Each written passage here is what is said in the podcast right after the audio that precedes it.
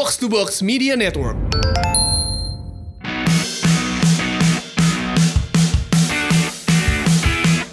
Selamat datang di Box to Box Football Podcast episode ke-46. Karena bos-bos lagi pada liburan, tapi Coach Jasin masih tetap ada di sini. Ha- Halo Coach, apa kabar Coach? Baik. Nah ini kali ini gue di, di, di kepung dua Coach nih, ada Coach Ardi. Apa kabar Di? Luar biasa. Luar biasa. Jadi ini Coach yang beda exposure aja sebenarnya. ini sebenarnya Coach juga, Coach juga Coach. Coach juga. Coach amatir. Coach amatir. Ardi coach apa? Coach amatir Di mana? di Bandung di Bandung. SSB. Bukan sih. Jadi kan kalau di Bandung sekarang lagi rame liga amatir itu loh. Oh, Liga Komunitas. si Yang komunitas yang Jalu. Doni. Ah, ya, Doni Doni. itu. Tapi sekarang ada banyak di tim saya sih ikut yang liga yang lain. Oh, lu jadi klub amatir Ya. ikut itu. Lu pelatihnya. Iya. Ini Head, saingannya, head coach. Head coach. Oke, good. ini saingannya Barcelona, timnya Ardi. Real Madrid Real namanya. Madrid namanya. Oke Coach, jadi Salam buat Doni kalau ketemu. Siap, siap. Jadi coach eh, tanggal 5 Februari kemarin tuh kan nih karena karena kami sebenarnya dulu di Pandit ya. Oh, sama Ardi. Masih di Pandit, Ardi. Masih masih nggak masih sih sebetulnya. masih masih masih. setengah-setengah gitu. Jadi 5 Februari lalu tuh ada habis ada Opta Pro Forum di London kan. Ya. Mereka membahas perkembangan data, statistik dan performa di sepak bola. Ini be- beberapa pembahasannya menurut gue sih menarik ya. Ada tim persona, Menurut lu menarik kan lu pandit komputer. Iya, kayak Makanya menurut lu menarik. memanfaatkan, memanfaatkan space di set piece, cara tracking data secara real time, permodelan event sequence, strategi menciptakan peluang dari throw in, yang itu juga pernah dibahas sama box to box gitu, mengevaluasi strategi dalam menembus low block, low block defense dan dampak goal kick pendek dan panjang. Ini ini, ini itu sebenarnya apa ya? Satu yang pertanyaan gue untuk coach nih. Data di sepak bola kan baru-baru aja sebenarnya dikembangkan. Beberapa beberapa kesebelasan sekarang udah punya kayak divisi data scientist lah kayak di Opta Pro Forum tahun lalu bahkan scientistnya Barcelona bahkan ngisi juga tentang apa ya tentang counter attack apa kalau nggak salah lupa gue. Nah ini bahkan pelatih spesifik sekarang kayak Thomas Gordon-Mark pelatih in Liverpool udah mulai dipakai gitu. Nah gue mau nanya ke coach, menurut gue di Eropa sana sih masih dianggap terlalu advance ya. Kalau coach gimana? Gini ya. eh, kita harus akui bahwa sepak bola pun, pun memanfaatkan teknologi walaupun masih tertinggal dibanding eh, cabang olahraga lain ya. Contoh badminton aja udah pakai eagle eye atau apa tuh istilahnya, pakai kamera lah ya kan. Dan kita kan sebenarnya baru-baru aja pakai VAR. Memang sepak bola ini olahraga agak arogan. Pelakunya itu arogan merasa olahraga paling ngetop di seluruh dunia. Jadi dan konservatif. Jadi ingin tetap mempertahankan nilai-nilai eh, budaya yang lama lah. Jadi Tradisional. tra- tradisional maka dari itu mereka terlambat ikutnya. Tapi gue harus akui kan gue langganan Stat Zone, oke? Gue harus akui bahwa ini luar biasa datanya. Kalau kita bicara data, cuman pendapat gue tidak berubah bahwa data itu hanya mendukung. Lu tidak bisa mendapat gambaran seperti se- seperti se- se- sebenarnya. Oke, kita nggak usah bicara datanya live score lah, itu terlalu standar. Iya, iya. Ball Kalau possession, shot, on oh enggak. Tapi di stasiun ini diliatin. Kalau kita bicara shots, shots itu ke arah mana? Contoh paling bagus tuh gue sempet ba- bahas di DP. Kalau lu inget Man United lawan Liverpool, di mana di babak kedua Martial dapat peluang. Di depan gawang ada depan sama De Gea- sama Kip- Alisson. eh, Yang ke Alisson langit tendangannya ke langit ya. yang tendangannya ke langit. Itu di data akan termasuk sebagai shot of target, Betul. bukan? Iya. Iya, iya. Tapi kalau kita ngelihat itu peluang luar biasa gedenya, ya kan? Dan di stat zone itu ada tulisan peluang besar mana dan shot dan lain-lain. Tapi sekali lagi data yang kelihatan di stat zone ini yang tuh gue luar biasa itu 2D, 2D. Dua D. dimensi. Dua dimensi. dua dimensi. Jadi tendangan seperti yang Martial itu su- sulit diterjemahkan sebagai peluang besar. Kalau lu tadi sebut bahwa ada space dan lain-lain, sepak bola ini kan simple, sebenarnya permainan simple. 11 lawan 11, siapa yang cetak gol lebih banyak dia akan menang. Oke. Bagaimana 11 lawan 11 lu bisa manfaatkan? Ini dicoba di sulap sama sama Hasan Hutel waktu dia kerja di Red Bull Hmm, bener. dengan bermain 4-2-2. 4-2-2. 4-2-2. 4-2-2. Ya 4-2-2-2. Jadi mereka manfaatkan satu sisi pada saat yang pegang bola kan standarnya yang pegang bola itu akan melebar. Hmm. ya kan biar bisa dipasing. Nah itu dimanfaatkan oleh Hasenhuttl pada saat mereka pegang bola digeser ke satu sisi, oke? Digeser satu secara tidak langsung orangnya kan lebih banyak untuk bisa merebut bola. Kalau lu tadi bahas memanfaatkan space, memanfaatkan space pun hati-hati. Kenapa? Ada space yang terbuka Iya. di, di sisi lain. Itu pun kita tidak bisa melihat dari data. Karena lu sebagai pelatih harusnya lu tahu. Pada saat ada space, kita coba passing, kan ada dua kemungkinan. Satu bola sampai, satu bola nggak sampai. Oke. Pada saat bola tidak sampai, backupnya siapa? Nggak kelihatan. Ya, Karena ada kemungkinan untuk di counter attack. Itu nggak ada datanya. Sepak bola kan di situ. Jangan cuma ngelihat lu menyerang, lu passing. Tapi next stepnya, bener nggak Ari? betul betul betul. Pada saat serangan itu gagal, lu diserang balik, posisi pemain itu seperti apa? Makanya kan kadang untuk menjelaskan sebuah skema, menjelaskan sebuah taktik itu justru ketika pemain itu nggak menguasai bola. Benar Betul, betul. Dan itu kalau misalnya kita ngomongin statistik itu bakal tidak tidak diterjemahkan. Lewat- Tidak Itu diterjemahkan. konteks tambahan ya berarti jadi. Kalau lu li- lihat salah satu video gue, gue udah bilang soal itu video gue kan udah 104 kalau nggak salah sekarang ya. Di awal-awal itu gue bahas soal bagaimana menjadi pandit. Kuncinya cuma satu, lu melihat pemain yang tidak pegang bola. Karena pada saat kita pegang bola itu penonton, lu menonton. Ya. Kacamata Tapi penonton. Kacamata penonton. Kalau lu mau menganalisa sebuah pertandingan, lu yang yang tidak pegang bola. Kenapa gue bilang begitu? Karena yang dilihat adalah jaraknya, posisinya ber, keputusan yang dia ambil. Apakah dia masuk ke dalam? Apakah dia tetap keluar? Apakah dia mundur? Ngerti nggak? Itu dan, tidak dan alasannya kenapa pemain tersebut mengambil Melakukan itu. itu, Dan ya. itu harus dilihat dari pemain-pemain yang tidak menguasai yang bola. tidak menguasai bola. Karena perjalanan sepak bola ini kan nggak bisa ditebak. Lu bisa bilang, oh dia kosong, passingnya gampang, semua orang bisa. Eh, cek, Eh, siapa nggak. bilang, ngerti nggak? Kalau dia 2 meter kejauhan aja passing, bisa di-cut sama lawan. Maka dari itu, that's why gue selalu bilang, dan gue sering ditentang sama fans kardus. sepak bola itu menang kalah, itu adalah sebuah end product. Nah, Oke. Ini, ini gue juga punya ada kutipan atau Nah, coach terusin dulu. Untuk mendapatkan end product yang benar, which is menang, lu harus punya pondasi yang kuat. Pondasi yang kuat adalah dari sisi strategi, menguasai bola kembali ke basic prinsip gue yang gue belajar banyak dari Johan Cruyff. Pada saat lu pegang bola, lu nggak akan kebobolan. Bagaimana caranya pegang bola? Tapi itu kan impossible, ya kan? Nah, sekarang bagaimana caranya pada saat ini juga Klopp yang bilang, pada saat kita tidak pegang bola, jangan sampai jarak kita terlalu jauh, terlalu jauh dengan orang yang pegang bola. Karena defense itu udah bukan mundur. Dulu zaman gue masih main bola, defense itu mundur, Mundur, bukan? betul, betul. Sekarang defense ke depan. Kenapa? Karena lu memperkecil ruang untuk pemain yang pegang bola membangun serangan. That's why Klopp datang dengan gegen pressing. Sebenarnya itu hal yang se- udah lama terjadi yang dilakukan oleh Klopp. mempertahankan transisi, transisi, transisi terus terus Iya, ya. iya, iya. Karena transisi itu bisa sering terjadi. Nah ini ini gue gue dapat gue baca jadi pelatih pelatih itu pada protes lah kepada analis analis kayak gue sama Ardi ini yang pandit komputer itu dia mereka bilang gini kalau outcome-nya positif pasti kalian mengasumsikan plan kami itu benar tapi kalau outcome-nya negatif, Negatif. pasti kalian langsung percaya bahwa taktik kami itu nggak benar Ya. katanya Gue setuju dengan pelatih-pelatih itu. Karena lu mau sehebat apa pun berteori berteori, punya strategi. Gue inget tahun lalu Spurs lawan Man City di Champions League. Di mana John Stone melakukan dua kali blunder. Lu sebagai pelatih mau ngomong apa sekarang gue tanya sama lu? Ya itu kayak tetap bagian dari strategi yang salah gitu. Dan maksudnya dalam Iya, konteks itu salah eksekusinya. Eksekusi. Bukan strategi yang salah.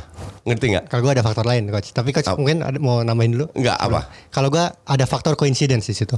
Nah coincidence juga di- dibahas juga di forum itu. Katanya ini dia bagus nih. Contohnya di Newcastle 2011-2012 dan 2012-2013. Jadi waktu tahun 2011 itu Newcastle tuh golnya di, golnya dikit, tapi Iya. mereka bisa peringkat atas. Iya. Mereka dibilang beruntung. Oke. Tapi di musim selanjutnya dengan cara main yang sama, mereka malah jeblok. Jeblok, Cara mainnya ya. sama. Iya. Dibilangnya Iya, iya. mereka nggak beruntung. Jadi si Alan Pardew sampai ngotot bilang gimana sih tahun lalu gue dipuja-puja karena kalian bilang Permainan bagus. permainan, permainan kami Iya. beruntung katanya. Iya, Tapi iya. tahun ini kami dihujat gara-gara kami kurang beruntung katanya.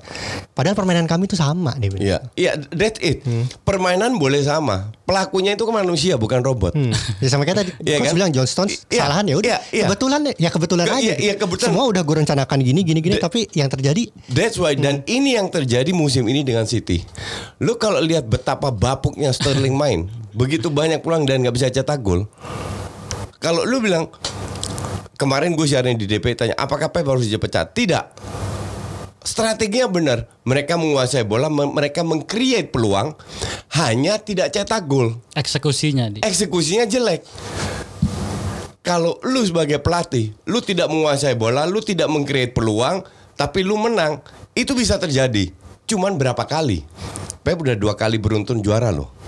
Itu kan bukan bukan kebetulan. kebetulan pastinya. Iya kan? Iya. Dan sekarang pun mereka berada di ranking 2 loh. Padahal main ancur-ancuran. Dan itu pun Pep tetap pasang Sterling meskipun Sterling nggak mencetak gol karena secara skema mungkin Pep udah ini bener Nggak secara- dicetal gitu. Dan gak ada pilihan karena Sane kan cedera. Iya, Sane. Sebenarnya kompetinya kan Sane. Gapsus pelapisnya Agero. Udah nggak ada Nggak- lagi habis itu. Nggak, iya, Gapsus nggak bisa main di situ. Bernardo Silva pernah dipasang di kiri, nggak jalan juga karena dia lebih ke midfielder. Ngerti nggak? Hmm. Jadi kalau gue bilang kita harus lihat. That's why gue selalu bilang berjalannya pertandingan dengan hasil itu dua hal yang berbeda. Kita harus bisa melihat berjalan pertandingan seperti apa dan hasil seperti apa. Tapi fans kardus kan ngelihat kalau menang seolah-olah lu main bagus, ya kan? Dan dan itu kan tidak. Ki- Kita tahu. Maka dari itu sekali lagi gue tidak anti data.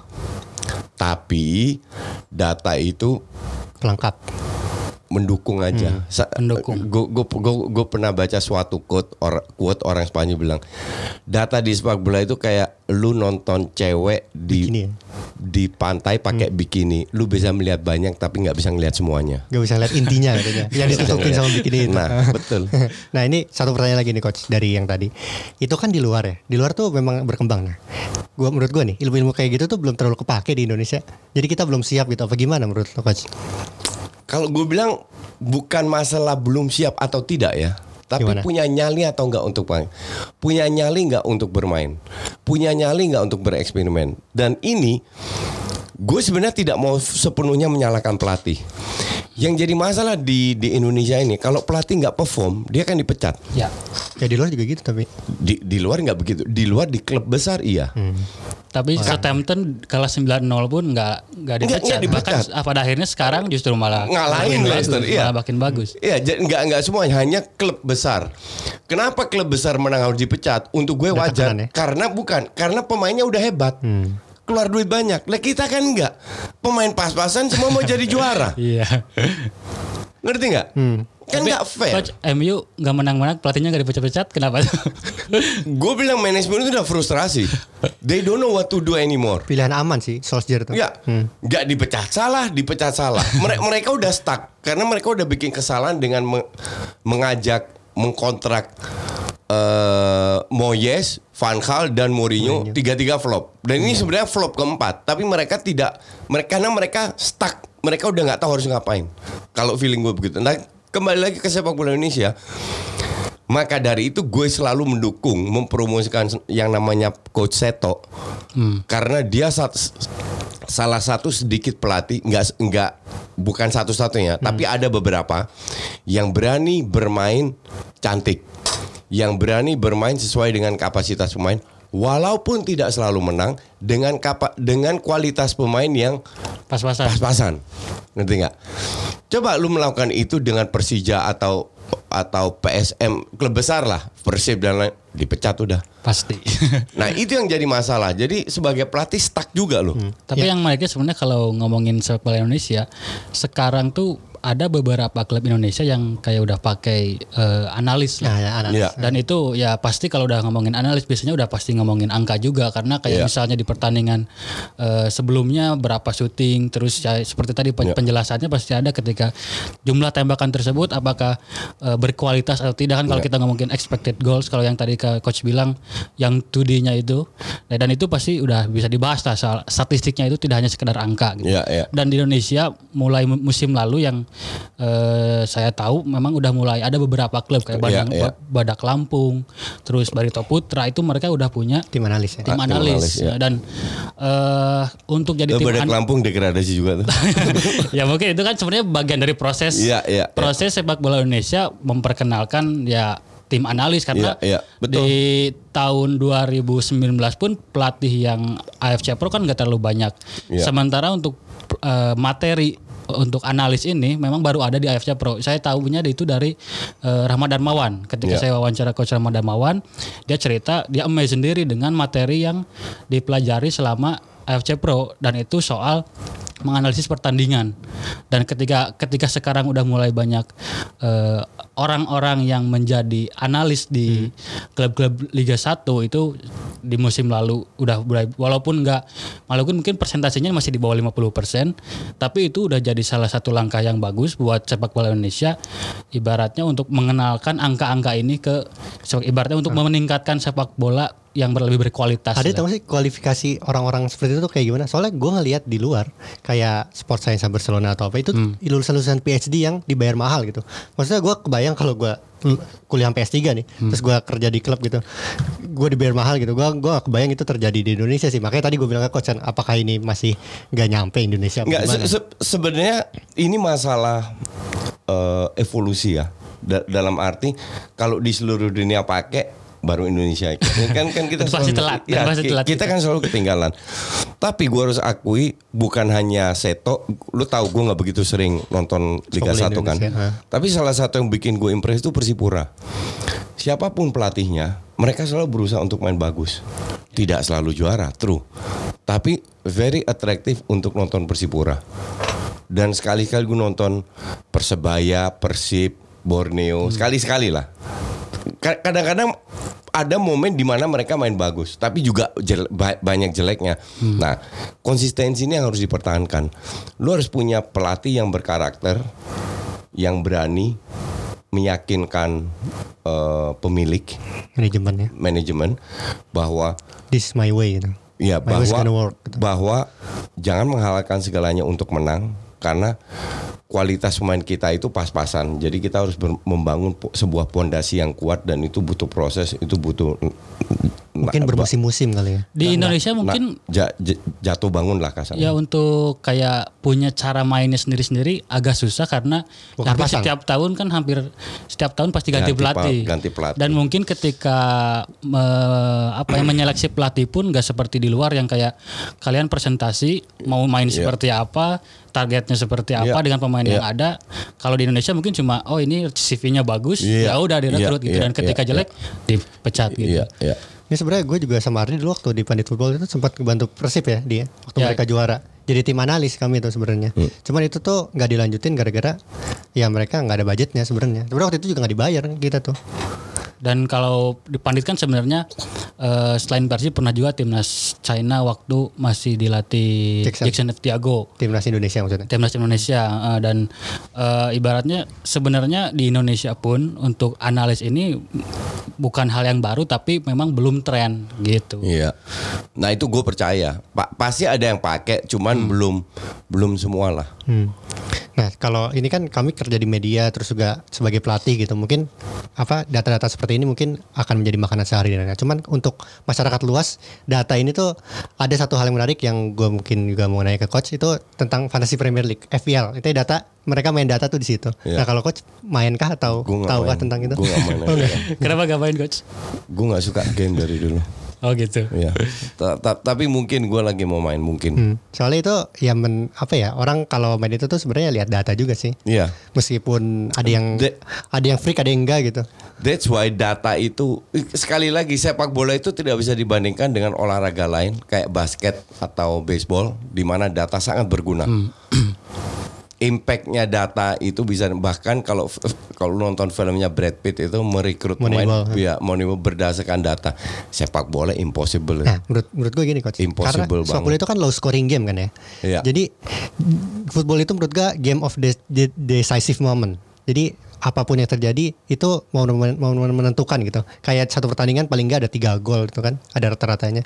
Beda kayak baseball, basket gitu. Lu, ya ya terusin. Ya mungkin mungkin di situlah data gimana data bisa berkembang di olahraga lain tapi di sepak bola tuh kita masih mencari formula-formulanya makanya gue juga kalau lihat di forum itu gue cuman lihat dari timeline doang ini kok ilmu baru nih ada data baru ada statistik baru jenis statistik baru kayak expected goals gitu itu itu udah lama sih expected goals ya maksudnya ini tuh sedang sedang terus-terusan berevolusi gitu? Se- seberapa evolusinya data nggak bakalan bisa mencerminkan eh, pertandingan ini di di translate ke angka. Gue tanya sama lo sekarang Dex, Em, dalam sebuah pertandingan dua kali 45 menit 90 menit, seorang pemain average rata-rata pegang bola berapa lama? nggak nggak tahu. Adi, Paling cuma 20 menit maksimal. oke, 2-3 menit. Oh, pemain. Satu pemain ya? ya. Satu pemain yang menyentuh bola yang pegang 2-3 menit average. dari 90 menit dari 90 menit. Jadi kalau timnya nyerang terus mungkin pemain belakang cuman pegang satu menit, yang lain oke. Sekarang pertanyaan gue adalah kalau lu pegang 2-3 menit bola, 87 menit lu ngapain? bergerakan tanpa bola Exactly. Dan itu tidak bisa diterjemahkan karena kita beradaptasi dengan lawan. Kalau lu sebagai pemain belakang, lu beradaptasi dengan lawan. Kalau lu bikin strategi, lu nggak bisa bisa bilang, iya lu harus ke, ke sini berapa meter ke belakang. Enggak, lu nggak tahu lawan lu main berapa. Ini gue gue kasih gue itu pelatih amatir kayak mungkin lebih amatir daripada lo ya Ardi. Dulu gue itu pernah pegang tim timnya Primus, oke. Kita pernah main ecek-ecek lah lawan tim mantan pemain Bogor. Babak pertama dibantai 11-0. Oke. Masih ada babak kedua kan? Babak kedua 0-0. Tahu bedanya apa? apa Bedanya di babak kedua gue pasang tiga pemain nggak di depan, nggak usah turun ke belakang. Jadi gue nggak main pakai midfield, gue main pakai tiga pemain depan, tu- tujuh pemain belakang, empat tiga. Jadi parkir bus, parkir bus. Pa- parkir bis. Jadi, jadi pada saat gue pasang tiga pemain belakang, mau nggak mau mereka meninggalkan empat pemain di belakang. Hmm. Jadi membangun serangan udah sulit. Karena kalau mereka empat pemain nahan tiga pemain gue, hanya ada enam pemain yang membangun serangan. Lawan tujuh defender gue. Ngerti nggak? That's why gue kadang nggak habis pikir, nggak habis pikir. Kalau lu lihat pemain top Liga Dunia lah, semua hanya meninggalkan or satu striker, or strikernya turun ke bawah defense. Lu kalau lawan Barcelona, lu tinggalan tiga pemain depan. Do you think Semedo sama Alba akan naik ke atas? Khawatir kena serangan balik Gak mungkin, gak mungkin. Pasti back four itu pasti tetap stay di belakang. Tidak mungkin, tapi nggak pernah ada yang melakukan itu. Tapi ya kalau soal yang tadi ketika eh, kadang kan kita sering males ya ketika ada orang ngomong terlalu terpaku sama angka gitu. Bahkan ketika Itu kardus namanya. Bahkan ketika misalnya ada eh, tim kalah terus lihat misalnya nilai di score jelek gitu. Harusnya sih ini diganti gitu. Hanya lihat dari jumlah Data, passingnya iya, misal iya, persentase iya, passingnya iya, jelek iya, gitu. iya, iya, iya. Padahal kalau misalnya eh, kita lihat dari sepak bola secara keseluruhan, kita padahal kan nggak tahu seperti apa misalnya si pemain tersebut ketika latihan, ketika ketika pergerakan por pemainnya di latihan seperti apa dan apakah pemain tersebut bisa cocok di pertahanan itu itu kan sebenarnya yang kita kita tidak tahu ketika eh, per- per- pemain tersebut diganti misalnya. Jadi ada ada memang ada beberapa hal yang secara statistik tidak bisa dimakan mentah-mentah lah dan itu kalau bahkan buat saya pribadi saya sempat eh, di tim saya coach eh, saya kayak pakai eh, ada kan ada asisten pelatihnya juga tuh dia suruh nulis kayak misalnya arah serangan dari selama 30 menit main kan waktu di amatir tuh 30 menit Ya, saya ya. misalnya dari 30 menit nyerang dari kirinya berapa kali, Kali, dari kanannya berapa, berapa, ya, kali, ya, tengahnya ya. ber- berapa kali gitu. Tapi ketika misalnya mengganti pemain yang menurut kita eh, menurut orang lain itu jelek, tapi menurut kita oh dia efektif kok karena dari sini misalnya Ya. secara serangan itu berhasil gitu dan itu memang mungkin hanya dilihat oleh orang-orang yang eh, melihat pertandingan tidak hanya eh, ketika bola ada di kaki mereka gitu. Jadi itu yang paling penting adalah justru adalah pemain-pemain yang tidak menguasai bola tadi. That's why gue selalu bilang kalau lu ingin menilai bola lu harus nonton. Lu nggak bisa nonton extended highlight juga. Hmm. Ngerti nggak? Lu harus nonton full match. Lu harus nonton full match. Baru lu ngerti. Karena banyak momen terjadi di mana lu bisa menilai pemain ini bagus atau tidak. Gue selalu bilang Martinelli itu bapuk dan sampai detik ini tidak berubah. Tapi dia dipuji banyak orang karena dia cetak banyak gol. Makanya gue bilang dia punya gol insting iya. Dengan sedikit peluang dia bisa cetak. Tapi ini pemain kontrol bolanya ancur-ancuran. Kontrol gue nilai pemain itu dari ball feeling, dari ball touchnya Hmm. First touch gitu ya. first touch-nya, second touch-nya, baru dila- baru kita melihat visi, mengambil keputusan bagus atau enggak dan lain-lain. Gundosi itu pemain bagus, cuman harus diarahkan. Kebanyakan dribbling. Jadi efektivitasnya masih rendah. Kalau dia ada berapa momen di mana dia main cepat, itu akan membantu serangan Arsenal akan lebih cepat lagi. Tapi banyak bola itu lambat di dia. Bukan berarti dia pemain jelek. That's different. Karena ini pemain luar biasa, punya visi, punya passing. Pada saat dia mengambil keputusan yang tepat walaupun bola itu nggak sampai dengan salah crossing atau salah passing tapi keputusan yang diambil benar. Nah itu lalu menilai pemain dari situ. Bukan bolanya pada saat diambil keputusan yang benar bola nggak sampai. Sekarang tidak tapi next time bisa sampai.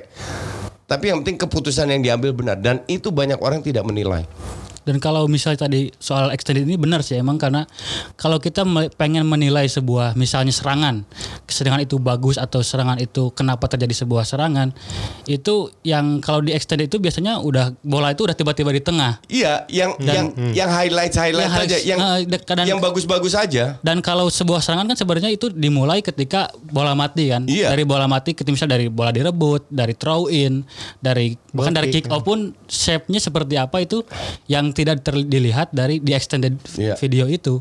Dan memang kalau misalnya untuk misalnya untuk eh, menilai sebuah permainan, menilai sebuah pe- seorang pemain itu memang harus menonton pertandingan secara penuh dan itu juga kenapa kalau misalnya saya sendiri kalau menganalisis sepak bola Indonesia itu pasti nonton berulang-ulang videonya dan itu full bukan bisa jadi highlightnya doang karena kalau di luar negeri kan mungkin bisa sama angka udah bisa men- mendukung kalau sepak bola Indonesia nggak ada angka itu udah pasti harus nonton pertandingan dan itu berkali-kali. Ba- bahkan kadang di TV lu lu nggak bisa lihat. Karena pada saat bola di kanan lu nggak lihat Ya, pemain ya, di ya, kiri betul, berapa.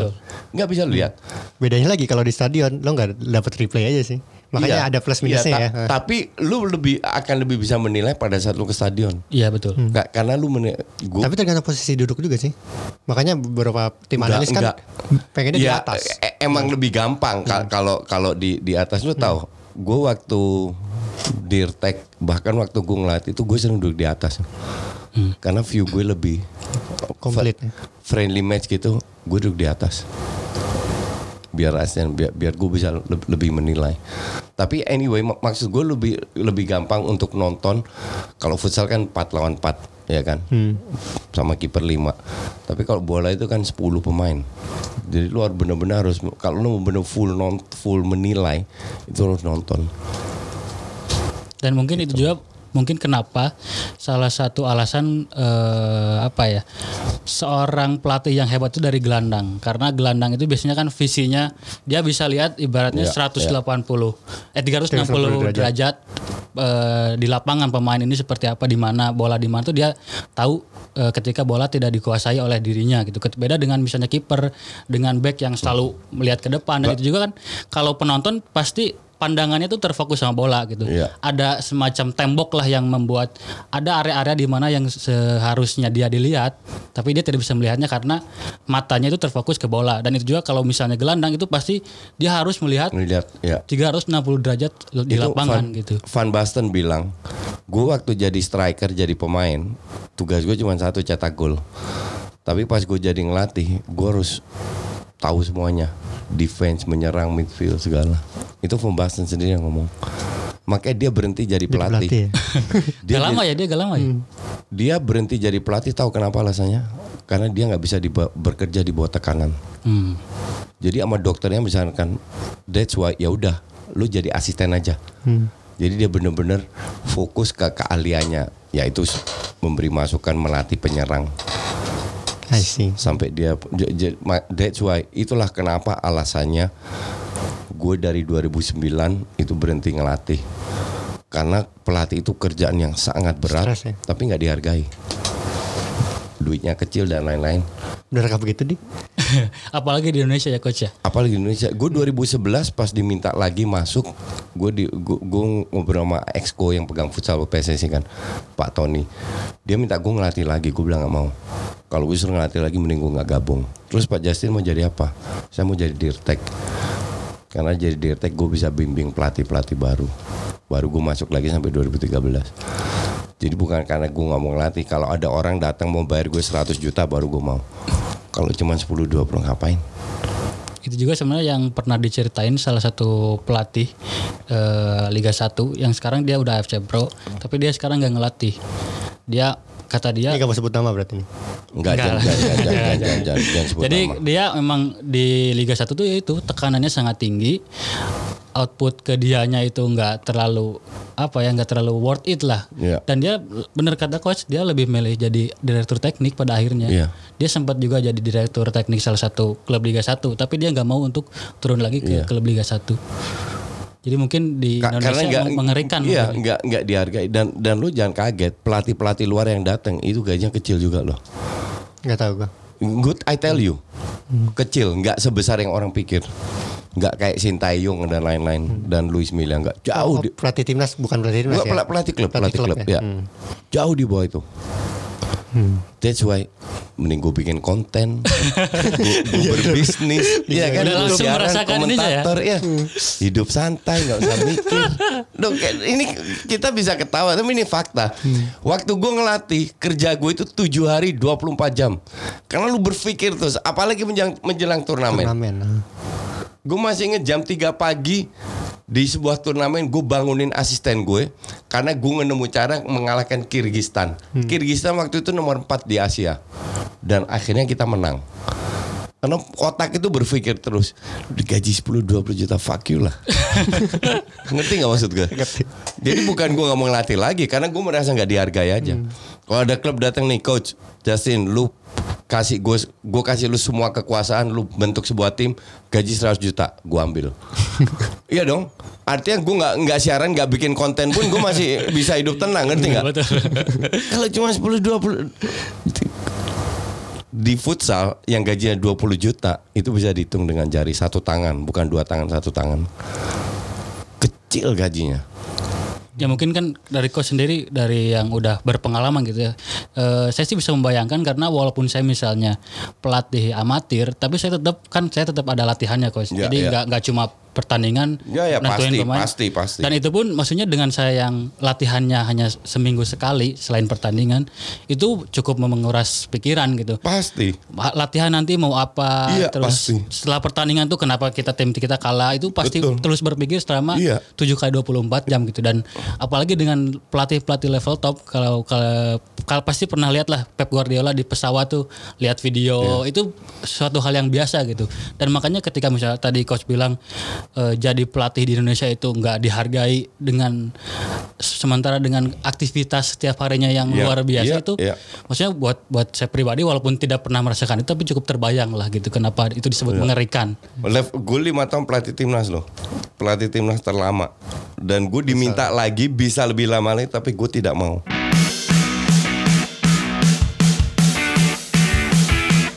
Tadi segmen pertama menarik sekali nih, tapi harus ada tetap harus ada recent, recent update. Ini yang lagi rame nih coach langsung ya coach. Konflik Abidal Messi coach. Enggak, itu, itu itu enggak rame. Itu cuma di media Goreng media. di, di, dilebay-lebaykan itu. Itu gue kemarin jelaskan ke DPI karena mungkin ba- banyak yang nggak nonton DPI tapi pokoknya gue jel- jelaskan sekali lagi. Kita harus melihat em, sikon budaya tradisi di mana hal itu terjadi. Terjadi di Spanyol, di klub sebesar Barcelona dan karena yang ngomong Messi. Karena Messi nggak pernah ngomong. Eh ini dulu coach, sebelum ini mungkin ada yang belum tahu. Jadi direktur olahraga Barcelona Erik Abidal tuh bilang ke, ke media kalau dia menjelaskan alasan dibalik pemecatan Ernesto Valverde katanya eh, keinginan sejumlah pemain Barcelona kan. Nah terus Messi bereaksi bilang dia Instastory bilang mendesak Abidal untuk menyebut nama-nama pemain Barcelona yang disebutnya tak bermain dengan sungguh-sungguh itu. Nah pernyataan Messi mengundang reaksi dari pemain pelatih hingga para fans. Nah di sinilah mereka berantem sampai akhirnya tapi katanya sih sekarang udah damai gitu coach. Jadi bagi yang belum tahu gitu. Si Safi Hernandez juga sampai katanya sampai komentar juga sih kalau Hmm. di apa di beritanya tadi saya tadi baca Hmm. Safi itu marah katanya "Saf, kenapa di Barcelona sampai ada masalah kayak gini gitu. Gi- Gini gini gini ya. Eh, lu kalau pernah, gue pernah 20 tahun tinggal di Belanda. Belanda itu negara demokratis seperti Spanyol, Eropa Barat, oke. Di mana semua pemain itu punya hak untuk berbicara sesuai dengan porsinya. Apakah Abidal salah? Gue bilang tidak. Karena dia sebagai pemain, mantan pemain yang sekarang menjawab sebagai dirtek, dia harus mengambil keputusan, keputusan memecat Valverde dan keputusan itu ada harus ada dasarnya. Dia mengatakan, gue melihat ada beberapa pemain yang tidak sepenuhnya memberikan segalanya di lapangan, tapi dia tidak sebut nama. Nah itu yang dikritik oleh Messi, oke? Tapi dia sebagai mantan pemain kan dia tahu, dia tahu dari gesturnya dia apa bahwa ini pemain sebenarnya bisa memberikan segalanya tapi kenapa tidak? Dan itu bukan sekali dua kali tapi berulang kali. Oke. Entah kita setuju atau tidak dengan alasan yang diberikan Abidal, tapi itu alasan yang menurut dia menjadi sebuah keputusan untuk memecat Valverde. Di situ Messi marah. Sebenarnya bukan Messi marah. Messi karena dia memberikan komentar di mana dia tidak pernah memberikan komentar, makanya jadi heboh. Ya kan? Tapi sebenarnya yang Messi bilang adalah kita semua ini tahu tanggung jawab kita. Di lapangan kita yang bertanggung jawab. Kalau nggak jalan ya salah kita. Dan kalian manajemen ya kalian punya kerjaan sendiri, tanggung jawab sendiri. Tapi yang Messi kritik kalau nggak salah itu karena dia tidak dia sebut pemain tapi dia ti- tidak sebut nama. Sebenarnya ini hal kecil yang sering kali terjadi. Hanya karena Messi yang ngomong jadi heboh. Kemarin gue sudah bilang yang terjadi kemarin malam di DPI gue bilang ini yang terjadi ntar Bartomeu panggil Messi dan Abidal ngobrol salaman case close selesai dan terjadi terjadi dan itu terjadi hari ini Ya, kenapa gue bisa bilang? Karena ini puluhan kali terjadi, my friend. dan media hanya membesar-besarkan aja ya soal ini Media itu selalu lebay. soalnya mereka kan Karena mereka harus klik. nulis Nah, kan, mereka harus ngisi berita kan, dan mereka harus cari penonton kan. Dan penonton itu atau pembaca itu akan baca kalau beritanya heboh. Itu nggak di Indonesia, nggak di mana semua sama, sama Di aja. Dan- konteks Barcelona pun udah sering kan kayak pemain di, diisukan Se- berantem. Di kan. mana-mana, bukan di di di Barcelona aja, di semua klub. Justru lebih parah lagi kalau gue bilang, nih ini perbe gue tidak sebut ini sebuah konflik, tapi perbedaan pendapat antara dirtek dan pemain. Pemain. Masih inget nggak Madrid waktu Mourinho pegang situ ribut sama Ronaldo. Karena Ronaldo merasa dia Madrid bermain terlalu bertahan lawan Barcelona dibantai juga harusnya mereka bisa lebih menyerang. Itu lebih parah lagi kalau antar pelatih dan pemain. Ngerti nggak? Ini cuma dirtek loh. Dan Messi pun Abidal maupun Bartomeu maupun Messi sangat tahu pada saat ini mengeskalir menjadi besar tereskalasi menjadi besar, yang seneng siapa? Madrid. Hmm. nggak fansnya, nggak pemainnya, nggak manajemennya. Dan mereka tidak mau kasih itu, mereka tidak mau kasih celah, mereka tidak mau kasih makanan kepada rivalnya untuk mereka berporak po- ber, bersenang ria lah Di atas penderitaan. di atas penderitaan nggak mau. Maka dari itu case ini close. Bahkan kan Kiki Setian juga eh, udah langsung mengeluarkan pernyataan bahwa Iya. ini bukan suatu hal yang besar. Messi punya hak Memang. buat ngomong, dan Abidal juga punya hak buat ngomong Iya, di posisinya. Dan kita la- besok latihannya latihan aja biasa. Dan, gitu. dan dia bilang Messi hari ini latihan dengan senyum kok. Itu hal yang biasa. Cuman mungkin di di kita itu nggak biasa lihat karena Messi kasih komen. Hmm, iya Messi Itu, itu sebenarnya itu aja. Kalau Barcelona juga sebenarnya masalahnya bukan itu doang sih coach.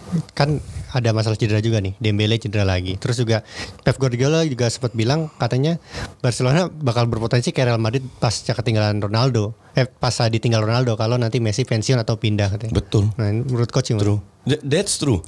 Cuman lu tidak bisa menafikan juga kalau lu pelatih, lu pemain pu- lu punya pemain selevel Ronaldo atau Messi, pasti ini pemain punya peran besar. Bedanya Valverde dan Setien adalah satu. Di Valverde Messi sentris. Di Setien Messi punya peran besar. That's it. Kalau lu lihat heat mapnya pa- pa- passing-passing di bawah Enrique pun di bawah Enrique, gue pernah tunjukkan di salah satu video gue. Itu serangan nyaris nggak ada dari kanan. Karena Messi ditaruh di kanan ma- masuk ke dalam. Di bawah Valverde sama. Oke. Itu juga. Nah di bawah Setien lu lihat, gue baru posting juga. Terakhir gue bikin gue post. Itu serangan full, full satu lapangan. Nah ini inilah bedanya Messi sentris atau Messi punya peran. Bahwa Messi punya peran. Messi main di di Avenger FC pun akan punya peran besar ngerti nggak lo? Ataupun Ronaldo. Pasti dua pemain ini pasti punya peran besar. Tapi sangat berbeda dengan entah Messi sentris atau tidak. Berarti Kalaupun sebenarnya kalaupun punya pemain kayak Ronaldo, kayak Messi dan strategi yang dipakai adalah meng, apa ya, memforsir mereka sebenarnya bukan hal yang salah juga sebenarnya. Bukan betul. Kita punya pemain yang sangat Yang bagus. luar biasa. Kita punya pemain yang bisa ibaratnya se- sendiri pegang bola dan bisa bikin gol. iya.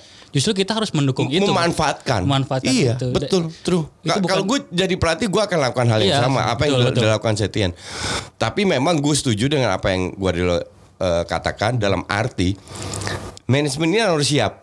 Nah. Pada saat Messi tidak bisa, yang jadi playmaker siapa? Strategi seperti apa? Yang cetak gol siapa? tapi Messi Serangan gimana? sempat cedera panjang juga kan? Maksudnya sempat nggak pernah ada Messi musim, kan pas awal Menang-menang juga kok. menang-menang juga kan? Iya. Ya, berarti nggak khawatir dong apa gimana? Ya, memang. apa level kekhawatiran yang berbeda karena kan bagi mereka begitu keselip dikit ya mereka dibalap Ya, sama Madrid gua, gitu. gua- gua rasa kekhawatiran yang yang agak berlebihan. Karena gue yakin pada saat hari ini Messi cedera, Suarez cedera, Dembele cedera, Setien is smart enough tetap untuk bisa mengatasi hal seperti ini.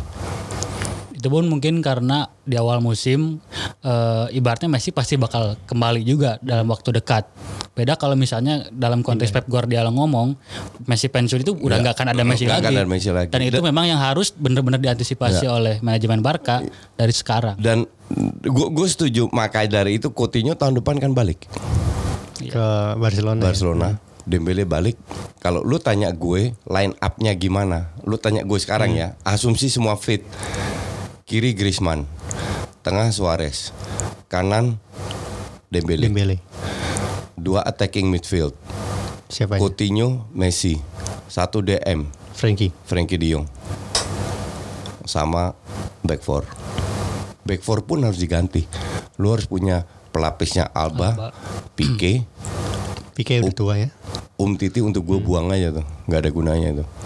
Yang bagus tuh siapa? Kata coach Eh, Matteo ya? Eh Matteo lagi. Langley Langley. La- Lang- Langley masuk ke beli beli minimal satu center back lagi. Matteo tuh masih di Barca sih? Enggak di Oh, udah nggak ya? Sporting. Oh udah di Sporting sekarang Udah dua tahun lu ke mana aja lu. udah perhatiin soalnya dulu gue sukanya dia tinggi doang sih Iya. kalau di Dia FIFA pernah ke. Indonesia. Iya, dia kalau di FIFA enak, tapi kalau kenyataannya biasa aja sih mainnya. Ini beralih dari Barcelona, jadi di pekan akhir pekan besok tuh ada Inter lawan Milan ya. Terus juga ada PSG lawan Lyon di Bundesliga ada Leverkusen Dortmund, Bayern lawan Leipzig nih persaingan Bundesliga masih tetap kencang nih coach. Warner versus Lewandowski. eh, Red Bull udah mulai cracking ya. Oh ya? Iya. Re- Red Bull udah mulai cracking, udah berapa kali seri di 10 match terakhir udah berapa kali seri kalah dan Munchen lagi meroket. Gue takutnya faktor mental aja nih, Munchen yang juara Tapi lagi. Leipzig kan baru beli Dani Olmo. Dani Olmo. Dani Olmo. Yang ngaruh. I- Ini ini udah masalah non teknis, ini masalah mental. Mental ya. Iya. Berarti menurut coach persaingan di Bundesliga bakal bakal gitu-gitu lagi nanti di menjelang akhir musim. Sekarang kan lagi seru-serunya nih sebenarnya. Sekarang lagi seru-serunya dan Dortmund lagi on fire dengan Haaland. Tapi at the end of the road Munchen. Oh iya, gue gue mau nanya sedikit karena kita dulu kan pernah ngebahas Haaland berdua ya. Iya. Nah, gimana coach menurut coach Nggak komentarnya nggak nggak berubah tuh. Nggak berubah. Tapi dia performanya bagus. Oh iya, ba- bagus. Tapi lu kan menilai pemain nggak dari 4-5 match. Hmm. Gue tidak bilang dia jelek, Dia jelek, nggak nah, pernah gue nggak- bilang dia jelek. jelek sih, tapi masih terlalu dini untuk bisa menilai. Dan ini Bundesliga loh. Sekarang kita harus lihat mentalnya pada saat dia let's say 3-4 match nggak cetak gol. Hmm. Mentalnya gimana? Mentalnya gimana, Dan treatnya gimana? Udah itu aja. Karena gue lihat dia main beberapa kali lawan Liverpool salah satu di eh, Salzburg. Hmm. Eh, Hancur. yang pertandingan Eh, kedua sih yang hancur sih. Pertandingan pertama oke lah. yang yang kedua Yang kedua hancur, hancur-hancuran hancur main. banget tuh main. Nah. Hancur-hancuran main. Ari mungkin ada komentar tentang Bundesliga atau tentang Haaland?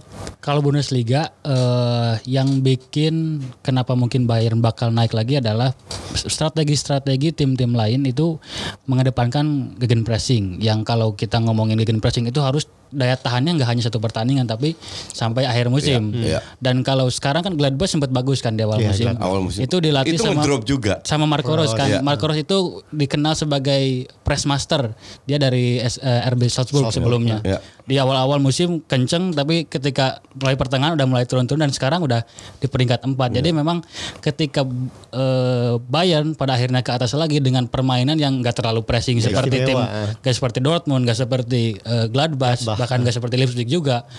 Itu bukan suatu hal yang aneh gitu. Memang itu hanya tinggal menunggu waktu kemarin. Berarti benar liga itu Ma- maraton ya. ma- masalah kualitas pemain juga Nah, sih. itu Lu- juga lu- benar, benar. Lewandowski lu kasih seper 10 peluang jadi gol. Iya. Timo Werner butuh mungkin eh, tiga per 4 peluang. Ngerti nggak? Iya, iya, iya. Apalagi di Gladbach itu siapa siapa emang to, Siapa Torgan? pemain enggak Eh, To- Torgan Hazard sekarang Torgan di udah, Dortmund. udah udah udah ke Dortmund. Enggak da- da- dalam arti ujung-ujungnya adalah ya kualitas, Kualitas pemain yang yang menentukan. yang menentukan. Kedalaman skuad juga kan. kedalaman squad dan itu Bayern unggul di atas semua tim yang ada di lu coba nonton sekali-sekali Bay- Bayern Leverkusen main. Kenapa? Bagus. Itu keren banget. Bayern Leverkusen besok. Leverkusen Lawan. Dortmund besok. Nah. Tapi ya nggak selalu menang. Tapi mainnya keren banget. Kalau Bundesliga gue masih nonton. Yang gue agak males itu Serie A. Oh, itu di, Ya, ke- kecuali kali kecuali kali kalau kalau gue mau bully fans fans ya gue nonton. No- nonton untuk membuli.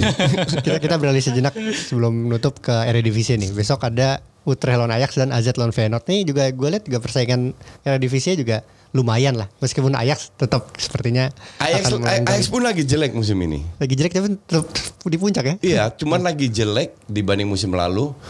PSV lagi hancur-hancuran juga. Iya, PSV lagi hancur bener. Utrecht ya, Utrecht lawan Ajax. gue nggak ngeliat Ajax bisa menang kok. Ajax itu selalu kesulitan main di Utrecht. Utrecht tuh peringkat 6 atau 7 ya? Tadi gue cek Iya. lupa deh. Dia Ya, lumayan lu juga. jangan lihat peringkat 6 Jangan lihat 7 peringkatnya. Lu kalau Tapi lawan mainnya gimana? Mainnya gimana? lu kalau di di bawah em, pelatih sekarang aduh siapa tuh namanya?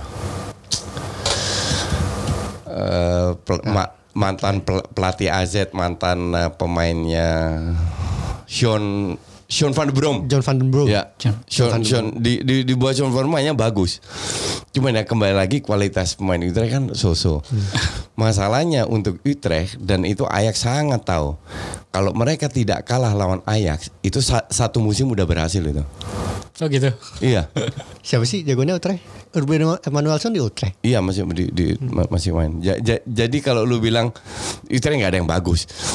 Eh, ad- ada Maher, ada Maher. Oh, ada di- Maher. di- ada ya. Maher dulu kan wonderkid loh. Oh ya, ada Maher ya, benar. Ada, ada Maher di Utrecht.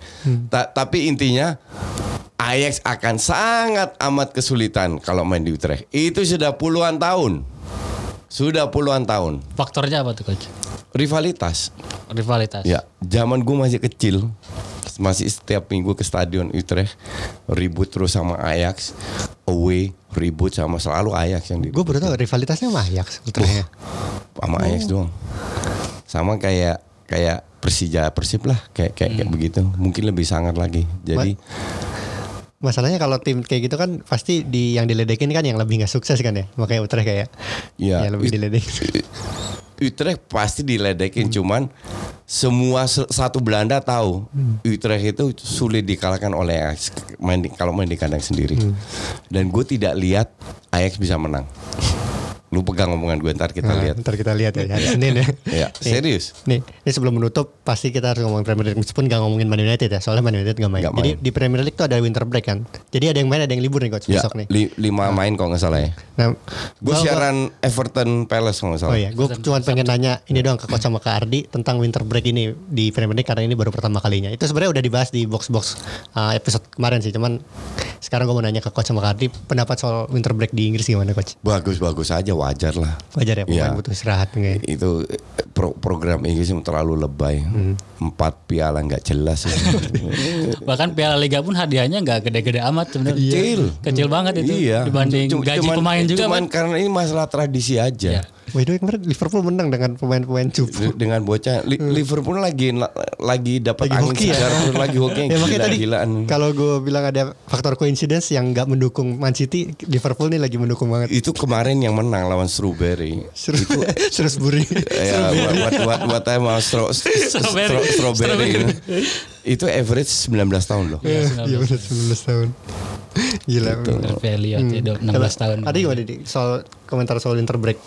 Ya pasti sebenarnya kan semua pemain bola apalagi di Eropa eh, setelah liga-liga lain libur terus Premier League gak libur sendirian pasti mereka tetap butuh libur gitu bahwa mereka benar digaji besar mereka benar eh, dapat apa ya namanya popularitas yang sangat tinggi tapi ya mereka tetap manusia juga dan Iya. mereka butuh istirahat gitu dan eh, salah satu faktor kenapa Jurgen Klopp eh, nggak mau mainin ngambek ya?